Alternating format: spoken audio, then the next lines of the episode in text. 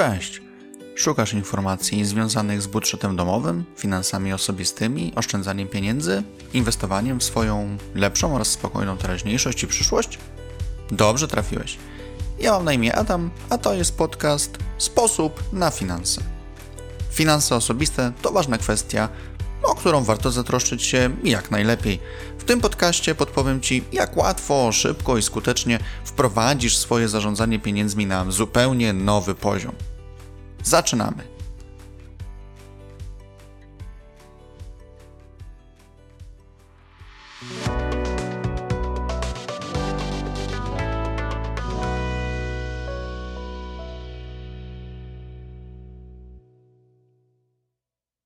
Witam Cię serdecznie w 20 już odcinku podcastu o finansach, w którym opowiem Ci o tym, jakie zmiany finansowe wprowadziłem u siebie, a także jakie plany finansowe przyjąłem na ten rok. Aby jednak w pełni wykorzystać porady, które Ci przedstawię, warto, abyś pobrał sobie również bezpłatne narzędzia do budżetu domowego, które dla Ciebie przygotowałem, a które otrzymasz po zapisaniu się na newsletter bloga Sposób na Finanse. Stale rosnące ceny towarów i usług dają się we znaki każdemu. Dlatego też wprowadzając zmiany finansowe do swojego budżetu, zwróć uwagę na to, na co rozchodzą się Twoje pieniądze. Często bywa tak, że pewne wydatki generują spore ubytki w naszym budżecie. Codzienna poranna kawa lub kanapka kupiona na mieście, korzystanie z taksówek zamiast transportu publicznego, obiad zjedzony w restauracji zamiast przygotowany samodzielnie, kolejne chaotyczne czy też nieprzemyślane zakupy. Pewnie każdy znajdzie taki wydatek, który nie jest do końca potrzebny, ale jednak z różnych względów go ponosimy.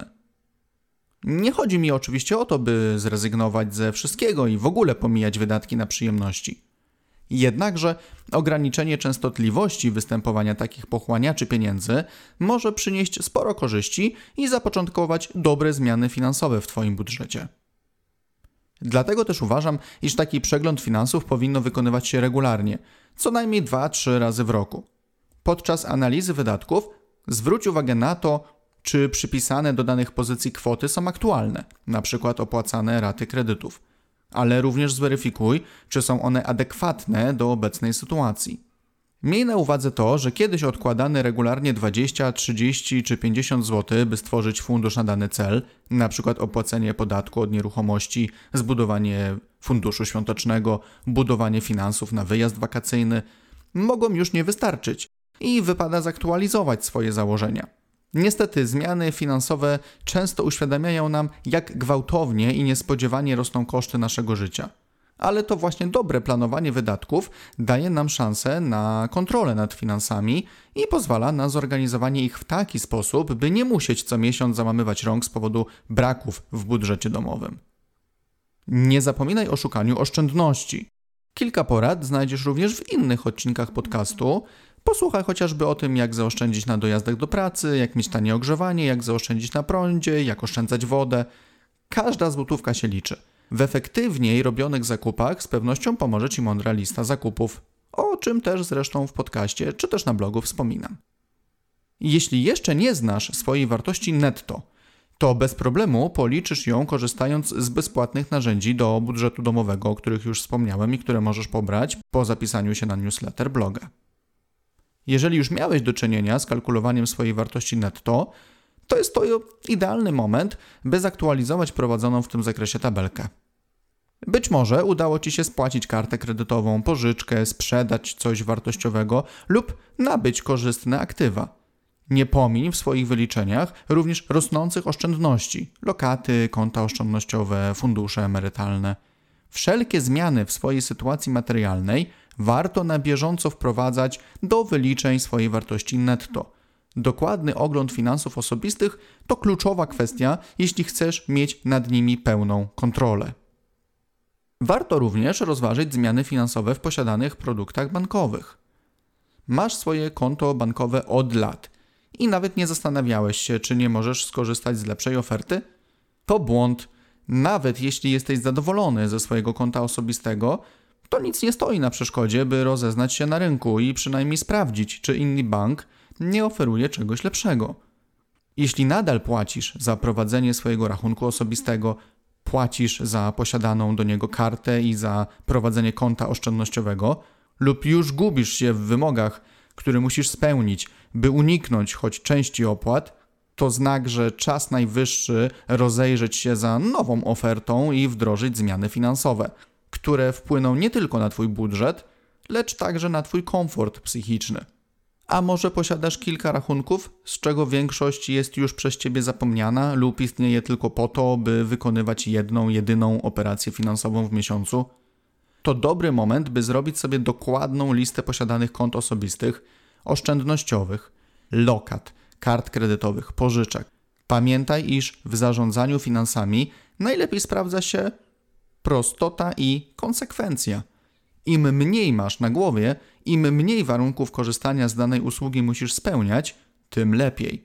Upraszczaj sobie życie i korzystaj tylko z tych produktów, których realnie potrzebujesz. Sam również zrobiłem taki przegląd u siebie i dzięki temu zamknąłem aż 6 rachunków, dwa konta osobiste i cztery oszczędnościowe, które zamieniłem na jedno nowe konto osobiste i jedno nowe konto oszczędnościowe. E, swoją drogą polecam skorzystanie z oferty Santander Banku. Proste warunki utrzymania konta oraz karty za 0 zł i na dodatek możliwość zgarnięcia premii za założenie konta. No żal było nie skorzystać. Jeśli też będziesz wdrażać zmiany w kwestii kontu siebie, zerknij sobie na ich ofertę. Alternatywnie sprawdź Bank Millennium. Obie opcje to według mnie obecnie jedne z najlepszych dostępnych na rynku usług bankowych. Zmiany finansowe to jednak nie tylko przegląd codziennych wydatków, rosnąca wartość netto i porządek w kontach bankowych. To także dokładne przyjrzenie się posiadanym abonamentom, subskrypcjom, polisom ubezpieczeniowym. Czyli wszelkie stałe opłaty, które ponosisz, ale które możesz niewielkim nakładem pracy oraz czasu zmniejszyć. Abonament za telefon, telewizję, internet, dodatkowe platformy streamingowe – regularne koszty i zazwyczaj związanie umową na przynajmniej 24 miesiące. Ustaw sobie przypomnienia na powiedzmy około 3 miesiące przed końcem danej umowy i sprawdź, jakie nowości pojawiły się na rynku. Szczególnie w okresie świąteczno-noworocznym i wakacyjnym warto poświęcić 15 minut na przejrzenie ofert operatorów, gdyż bardzo często w tym okresie wprowadzają oni ciekawe promocje, na przykład na zwiększenie pakietu internetowego czy abonament z jednym, dwoma, trzema miesiącami za darmo. To samo dotyczy posiadanych przez Ciebie polis na ubezpieczenie auta i mieszkania. Nie przedłużaj automatycznie polisy, gdy wygasa obecna. Zawsze sprawdź, co mają do zaoferowania konkurenci i wybierz opcję najlepszą dla siebie. Przy czym pamiętaj, nie kieruj się jedynie ceną ubezpieczenia. Dobra polisa to taka, która zapewnia Ci zakres ubezpieczenia, jaki Cię interesuje, a jednocześnie nie jest ekstremalnie wyceniona. Warto skorzystać z porównywarek lub pomocy doradcy ubezpieczeniowego, by wybrać najlepszy dla siebie wariant. Zdarza się również, iż niektóre posiadane przez nas usługi nie są w pełni wykorzystywane. Płacimy za nie, ale de facto uruchamiamy je kilka razy w roku. Podczas robienia przeglądu posiadanych abonamentów rozważ, czy może nie nadszedł właściwy moment na to, by niektóre z subskrypcji po prostu wypowiedzieć. W budowaniu właściwej struktury wydatków z pewnością pomoże Ci odpowiednia i przemyślana hierarchia wydatków, o czym też w podcaście wspominałem. A co z planami finansowymi na obecny rok? W poprzednim 2021 roku udało mi się spłacić przed czasem posiadany kredyt gotówkowy – Dzięki temu uwolniłem gotówkę, którą musiałem przeznaczać na spłatę raty i znalazłem dla niej nowe zastosowanie. Obecnie buduję budżet na podpłacenie kredytu hipotecznego. Po rozliczeniu PIT e, spodziewam się uzyskać niewielki zwrot podatku, który planuję przeznaczyć na powiększenie finansowej poduszki bezpieczeństwa. Założenie budowania funduszu na wcześniejsze zamknięcie hipoteki z pewnością rozłoży mi się jeszcze na kilka kolejnych lat, jednak taki cel długofalowy bardzo mi się podoba i motywuje mnie do tego, by faktycznie te środki na spłatę kredytu regularnie zbierać. Pomyślałem sobie, że nawet jeśli urwę z tego kredytu poprzez jego nadpłacenie chociaż 5 lat spłacania, to będzie to i tak ogromny sukces. I tego planu się trzymam. Zastanów się też, w jakiej obecnie sytuacji finansowej jesteś. Czy masz już jakieś oszczędności? Jeśli nie, to warto sprawdzić kilka prostych sposobów na oszczędzanie pieniędzy, o których też na podcaście i na blogu wspominam, i po prostu zabrać się do budowania zasobów finansowych na różne okazje. Jeżeli zacząłeś już gromadzić oszczędności, poświęć parę minut na to, by zastanowić się, jak zwiększyć kwotę przeznaczaną na oszczędzanie, by jeszcze szybciej osiągać swoje finansowe cele. I pamiętaj, nawet prosty plan finansowy jest lepszy niż jego brak. Stawiaj sobie cele, które chcesz w zakresie zarządzania finansami osiągnąć, jednak nie naginaj przy tym swojego budżetu domowego. Zmiany finansowe mają pomóc Ci w dalszym rozwoju w zakresie planowania finansów, dlatego też wprowadzaj je w miarę swoich możliwości, a na każdy etap poświęć tyle czasu, ile potrzebujesz, by podjąć najkorzystniejsze decyzje. Warto przeprowadzić sobie również analizę możliwości zwiększenia dochodów. Nie oszukujmy się, brak odpowiednio wysokich dochodów utrudnia, ale nie uniemożliwia sprawne zarządzanie budżetem, budowanie oszczędności i plany inwestycyjne. Jednak zmiany finansowe, które wprowadzisz, powinny również uwzględniać rozważenie opcji zwiększenia Twoich zarobków. Być może już czas powalczyć o awans i podwyżkę w pracy, a może to jest właśnie moment, by nabyte do tej pory doświadczenie zawodowe wykorzystać i rozwijać już w nowej firmie. Być może masz nieco czasu po południu i jesteś w czymś dobry, lubisz coś robić. Nieraz hobby czy też dodatkowe umiejętności da się przemienić w źródło dochodu. Zastanów się, jakie są Twoje mocne strony i co możesz zrobić, by je mądrze wykorzystać, przy okazji dorzucając parę dodatkowych złotych do swojego comiesięcznego budżetu.